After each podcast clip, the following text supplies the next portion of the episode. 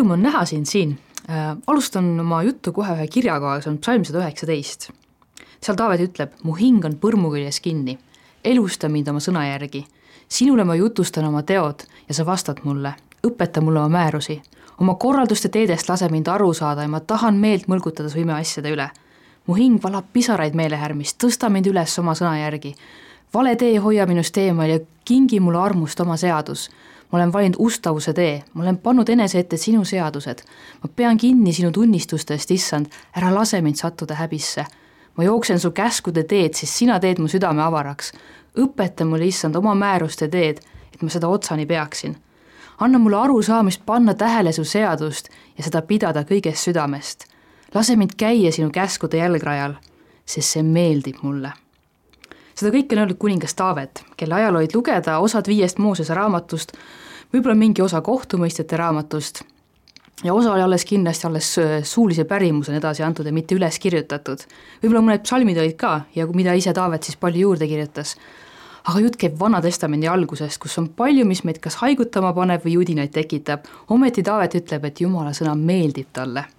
ta on kogenud, sellest tuleb tema ellu palju head ma ei ole kindel, et ma alati Moosese raamatute ja seal kirjas oleva kohta nõnda saaksin öelda, aga mulle tundub, et Taaveti mõtisklustes on iva. ma ise ei ole kristlikust perest, aga sain kristlaseks, kui olin umbes kaksteist. mäletan, et käisin reedeti piiblitundides koos oma vanaemaga, ma olen suht kindel, et ma olin seal kõige noorem. ja uurisime seal koos piiblit ja mulle meeldis seal väga ja ka praegusel ajal ma vahel ütlen, et mulle tegelikult äh, meeldib palvetada minu jaoks raskem, piiblit ma loen palju parema meelega. Ja võib-olla saate teie mulle sel teemal varsti nõu anda, sest te olete just hiljuti kuulnud sellest.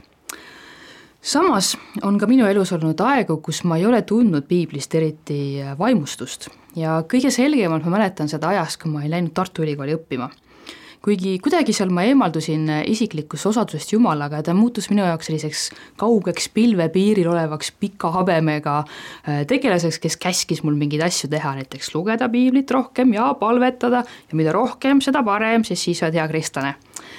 aga kellele siis meeldib käsu peale asju teha?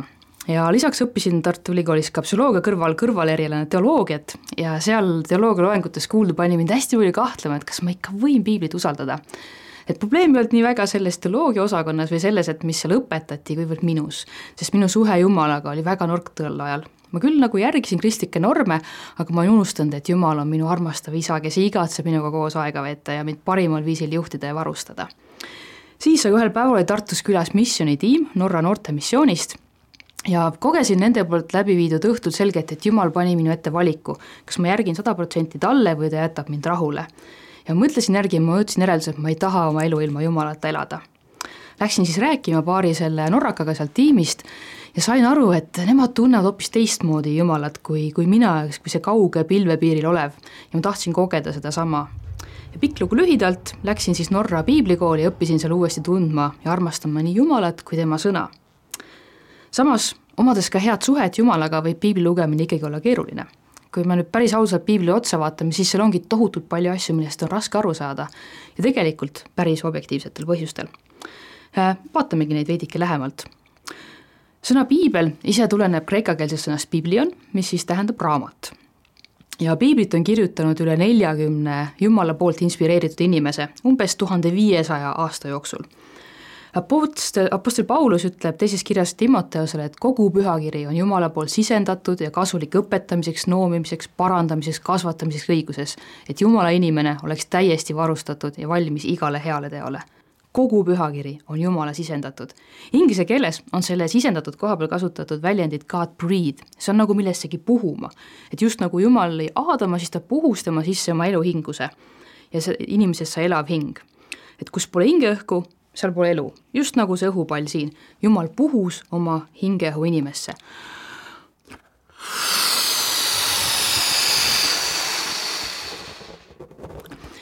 ja need inimesed kirjutasid need asjad ülesse ja nad kirjutasid oma kontekstis, aga see ajatu tõde on seesama. ja sedasama püha vaimu on meil ka vaja, et mõista piiblis kirja pandud, mida see kõneleb mulle, minu kogukonnale, mind ümbritsevale maailmale, mismoodi see mind täidab, mismoodi see mind vormib tegelikult isegi nii et piibel ei ole lihtsalt kogumik väga õhukeseks viilutatud puitu, vaid see on täis Jumala elu. me vajame seda elu just nagu vajame õhku. kokku on piiblis kuuskümmend kuus raamatut, kolmkümmend üheksa Vanas Testamendis ja kakskümmend seitse Uues Testamendis. kuidas täpselt selline raamatute kogum kokku sai, on omaette teema ja ma ei jõua sellest täna piiluda, aga tule meie seminari piiblikooli, siis saad teada aga piibel on tegelikult justkui raamatukogu, kuhu on kätketud ajalugu, elulood, poeesia, ettekuulutused, tõotused ja nende täitumused, iidse Lähis-Ida loomislood, pronksiaegsed seadusekoodeksid, kirjad ja apokalüptiline kirjandus seepärast tuleb piiblit vahel veidike erinevalt lugeda, sõltuvalt sellest, et mis kirjandusvormiga on tegemist. see on ju päris loogiline, sest me ei saa lugeda luulet samamoodi nagu ajalookroonikat või hmm, näiteks äh, pesumasina paigaldusjuhendit et pesumasina paigaldusjoon muidugi ei ole hea näide, sest kes üldse mingeid juhendeid loeb, aga või siiski, äkki see ongi osa sellest probleemist. samas piibel ei ole juhendraamat, mis pakub meile viis lihtsat sammu õnne või püha eluni, vaid äh, Iisraeli jah, rahva juht Mooses, kellest võime lugeda piibli alguses, ütleb piibli kohta, et see ei ole tühine sõna, mis teile korda ei lähe, vaid see on teie elu, sest selle sõna läbi te pikendate oma päevi sellel maal, kuhu te lähete üle Jordani, et seda pärida nii et piibli erinevad teosed kirjeldavad Iisraeli rahva kujunemislugu, Jeesust, tema tööd, seda, kuidas kristlik kirik levis ja tekkis. siiski on selle keskseks tegelaseks Jumal, kes loob, annab seadusi, kes päästab vastuhakkajaid, kes saab inimeseks ja kes lõpuks teeb kõik uueks. ja meie saame olla osa sellest Jumala loost. ja piibli kirjutajate hulgas on kalamehi, kuningaid, karjaseid, arste, prohveteid, poeete ja see on kirjutatud kolmes eri keeles, heebrea, kreeka ja aramea keeles ja tegelikult piibel on üks maailma kõige populaarsemaid raamatuid, see on bestseller, iga aasta trükit-, trükitakse seda umbes sada miljonit eksemplari. Ja see ongi tegelikult enim tõlgitud teos. ja maailmas on loodud paljudele keeltele kirjakeel just sellepärast, et saaks piiblit lugeda. kindlasti olete kursis ka piibli mõjuga meie endi kirjakeelele. Ja selleks, et näiteks mõista väga paljud kirjandus Shakespeare'i või Michelangelot, Bachi või Beethovenit või isegi praegu teatris olevaid etendusi, meil peab olema mingi baasarusaam piiblist aga nagu nendest arvudest näha on, eriti neist, kui pika aja jooksul ja kelle poolt piibel on kirjutatud, siis see ei ole tegelikult kirjutatud sulle või mulle isiklikult, vaid mingile kogukonnale, kus olevad inimesed elasid hoopis teistsuguses kultuuriruumis, nad mõtlesid isegi teistmoodi kui meie meie aga oleme ühe, nagu ühe kirjavahetuse lugejad, aga me ei tea tihti täpselt, et mis kusagil täpselt toimus. et miks on siin Vanas Testamendis mõnd kohutavat sündmust nii detailselt kirjutatud, kirjeldatud või, või miks Paulus kirjutas efeslastele nii, nagu ta kirjutas. nagu teame poolt sellest vestlusest, aga mitte kogu. ja piibel on tegelikult kirjutatud kogukondadele ja rahvastele ja seda on oluline silmas pidada, kui ka ise loed. isegi kiri Fileemonile, mis on isiklikult adresseeritud talle, loeti kogu kogudusele ette ja enne, kui piibel oli sõna meie jaoks, oli see sõnum heebrealastele Kaananimaal, Babylonias eksiilis olnud juudelastele, Rooma agulites elanud kristlastele, Väike-Aasia taga kiusatud kogudustele ja nõnda edasi. ja kuigi piibli sõnum on alati oluline ka meile, siis selleks, et tõeliselt mõista piiblit, peame me arvestama ja austama seda konteksti ja püüdma seda mõista ja loomulikult ma kohe lisan siin, et Jumal kõneleb meile piibli kaudu ka väga isiklikult ja vahel täiesti kontekstist välja, võib-olla mingi ühe salmiga ja ma usun, et mitmed teist on ka seda kogenud aga kindlasti on oluline arvestada konteksti. ja võib-olla mõned, kes üldse kahtlevad, kas piibel on tõsi ja piibli usaldusväärsuse kohta võiks omakorda pidada mõni tund loengut, aga ma lihtsalt toon lühidalt välja, et Uue Testamendi kohta näiteks, kuigi meil ei ole säilinud päris originaale, nagu seda konkreetset papüüruse tükki, papüüruse tükki, mille peale Paulus kirjutas, aga meil on algse teksti erinevaid ümberkirjutusi ehk käsikirju ja neid on tohutult. meil on peaaegu kuus tuhat kreekakeelset käsikirja, paljud neid on siis kirjutatud esimese kolme sajandi jooksul, meil on üle kümne tuhande ladinakeelse käsikirja ja tohutult kopti, Armeenia, Süüria, Etioopia käsikirja. ja lisaks on esimese viie sajandi jooksul üle miljoni Uue Testamendi tsitaadi kirikuisade teoduste põhjal. nii et kui ka kogu Uus Testament plõks ära kaoks, siis nende põhjal saaks praktiliselt kogu terve selle Uue Testamendi taastada see on tohutu hulk allikaid, eriti kui arvestada, et Kreeka antiikaja kirjateostest on igast ühest säilinud keskmiselt viisteist koopiat, mitmetest palju vähem. näiteks Julius Caesari ajaloolised ülestähendused Gallia sõla, sõja üle, sellest on ainult kümme loetavat koopiat ja kõige varasem neist on pärit üheksasada aastat peale Caesari aega ja ta kirjutas selle viiskümmend kaheksa enne Kristust. aga me ei kahtle selle kirjateose, teose usaldusväärsuses või olemasolus, nii et miks me peaksime kahtlema piiblis üks hea illustratsioon on veel see, et kui panna üksteise peale kõik käsikirjad, mis näiteks äh, antiik-Kreeka teoste kohta on, siis see on üks koma kaks meetrit kõrge. Aga kui kõik piibli kirjakohad üksteisega otsa panna, on kaks koma viis kilomeetrit kõrge. see on mitu-mitu teletorni üksteise otsas. nii et lühidalt, piibli tekst on usaldusväärne, sest selle säilitamisega on paljud inimesed tuhandete aastate jooksul väga palju vaeva näinud. ja kuigi meil on ümberkirjutamisest ja tõlkimisest tulenevaid erinevusi, siis piibli usaldusväärsust ja selle suure loo tähtsust meie jaoks ei vähenda. pigem on see imetlusväärne, kuidas piibel ja selle tuhanded erinevad tõlked erinevatesse keeltesse üle maailma siiamaani muudavad inimeste ja rahvaste elusid. nagu ma ütlesin, on piibel kirjutatud mingisse konteksti, vastuseks mingitele küsimustele, mis tolleaegsetel inimestel oli. see kõnetas neid nende kontekstis, meie aga oleme seda vastust ja me ei tea seda küsimust. seetõttu on olulinegi püüda aru saada, et mis oli algse publiku küsimus. näiteks piibli alguses äh, toodud loomislugu ja selle järgnev pattu langemine on hea näide me küll tahaksime seda vaadata oma teadusliku maailmapildiga ja vahest isegi otsime vastust, et kas evolutsioon on ikka tõeline või mitte või mis, kuidas täpselt juhtub, aga ma olen päris kindel, et tolle aja inimesed ei küsinud sellist küsimust.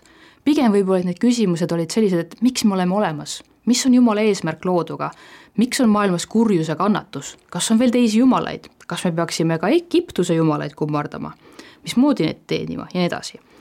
nii et kui me mõtleme nendele küsimustele äh,, mida siis need algsed lugejad võisid küsida, siis see aitab ka meil leida vastuseid meie endi küsimustele. vahel küsid sa isegi, et kust me tuleme, miks on maailmas nii palju kurjust, kas minu elus on väärtus ja nii edasi. et esimese Moosese raamatu esimesed peatükid tegelikult vastavad just nendele elulistele küsimustele selles seerias te olete kuulnud palju vaimulikest praktikatest ja praktika minu jaoks tähendab midagi, mida ma praktiseerin. see on regulaarne ja teadlik tegevus, ja samamoodi on piibli lugemisega. me ei pea seda tegema, sest et jumal karistuse ähvardusega kuskilt pilvepiirilt meid käsib, vaid selles on elu, nagu ütles Mooses.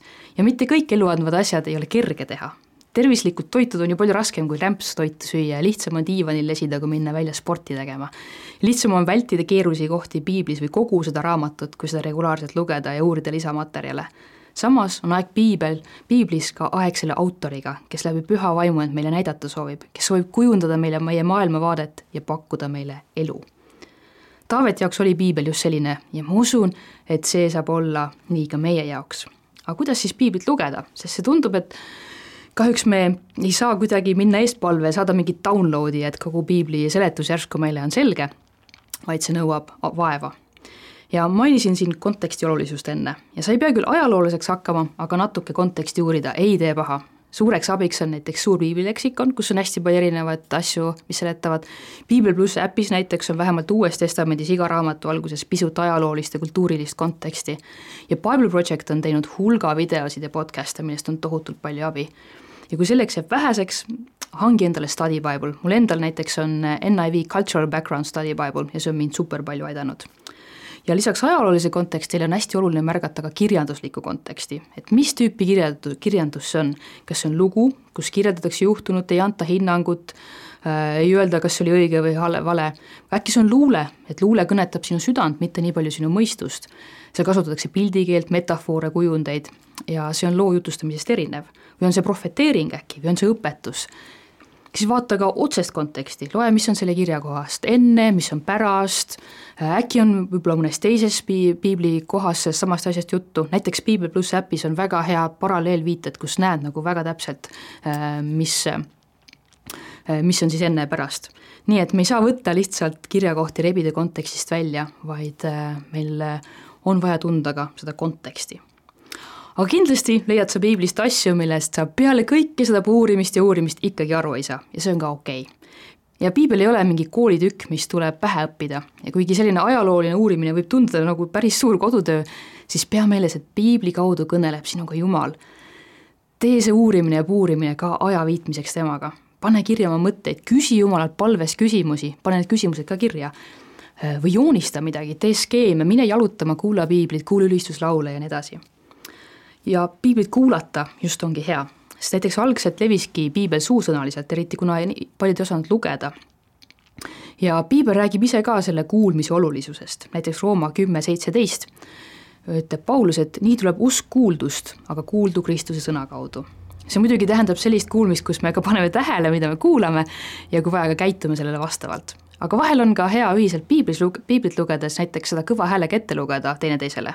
isegi siis, kui oled üksi, ma hiljuti lugesin mäejutluse näiteks endale ette ja ma nägin seal mitmeid asju, mida ma varem polnud märganud, sest ma olin rohkem keskendunud ja Piibel pluss äpis näiteks on olemas Uue Testamendi audioversioon, võid selle panna peale, kui lähed jalutama või istud bussis või, või lähed, pane siis vahepeal näiteks pausi peale, palveta sinna juurde, kus iganes. ja hea on ka piiblisalmi pähe õppida, need võivad täiesti ootamatutes kohtades abiks olla. Ma olin kord Laoses missioonireisil ja ühel öösel ärkasin üles sellise tunde peale, et peale minu ja mu toakaaslase on ruumis veel keegi. ja see tundus niisugune halb asi olevat ja see tekitas päris tugeva hirmutunde ja siis unesegasena tuli mulle meelde üks kirjakoht esimese Johannese raamatust, kus öeldakse, et armastuses ei ole kartust, vaid täiuslik armastus ajab kartuse välja. ja siis ma mõtlesin, et jumala armastus on minuga, ma ei pea kartma ja magasin edasi. hommikul siis kuulusin, kuulsin, et mu toanaabril oli tegelikult sarnane kogemus olnud, et seal tõesti oli midagi. Nii et päheõppimine aitab ka mõtiskleda mingi kirja üle sügavamalt ja ma tean inimesi, kes, kellel on terved piibliraamatud peas aga hea on lihtsalt vahel võtta mõni psalm või paar ja neid rahulikumalt nii-öelda mäluda, mõtiskleda nende üle, sõnastada oma sõnadega ringi, pähe õppida. ja piibli teejuht.ee lehel on piibli uurimise lingi all ka mitmed kasulikud meetodid, kuidas seda teha, kuidas mäluda rohkem mingit kirjakohta. Äh, lisaks on seal mõnesid viise veel, kuidas piiblit uurida, nii et vaata järgi seal piibli õppematerjalide all ma ise kasutan näiteks ka tihti piiblipäeviku pidamist, kus ma peale mingi lõigu või peatüki lugemist ma panen kirja oma mõtted, mis mul sellega seoses tekivad ja küsimused ja tihti ka palved Jumalale. ja päris tihti ma olen kogenud, et Jumal vastab nendele küsimustele ja palvetele. nii et kui sul ei ole veel välja kujunenud piibli lugemise harjumust, soovitan endale leida mm, näiteks piibli lugemise plaan. Sest näiteks, kui sa loed piiblit viis peatükki päevas, siis saad selle läbi vähem kui üheksa kuuga. nii et kui tahad veel selle aasta jooksul piibli kaanest kaaneni läbi jõuda, lugeda, siis jõuad. või kui loed kolmkümmend minutit piiblit päevas, siis saad läbi selle poole aastaga. Polegi tegelikult ju nii võimatu.